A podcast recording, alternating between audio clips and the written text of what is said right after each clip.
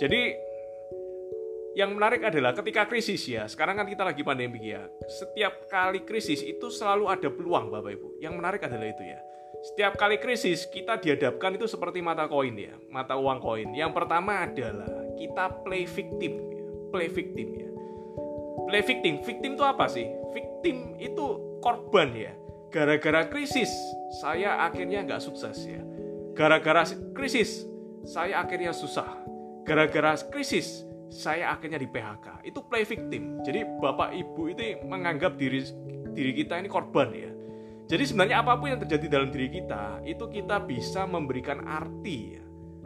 Terserah kepada kita yang memberikan arti. Yang kedua adalah play victor ya. Gara-gara krisis, akhirnya saya masuk ke bisnis online. Gara-gara krisis, akhirnya saya dapat produk yang laris ya, yang saya sebarkan di seluruh Indonesia Gara-gara krisis, akhirnya omset saya meledak luar biasa.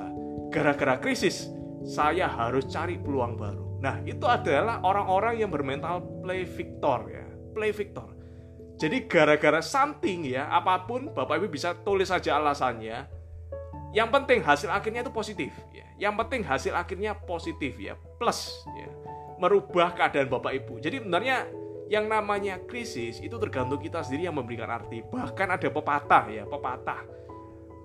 Pepatah itu kan bilang weji ya. Weji itu apa? Di dalek di dalek ya, di balik krisis ada yang namanya peluang ya.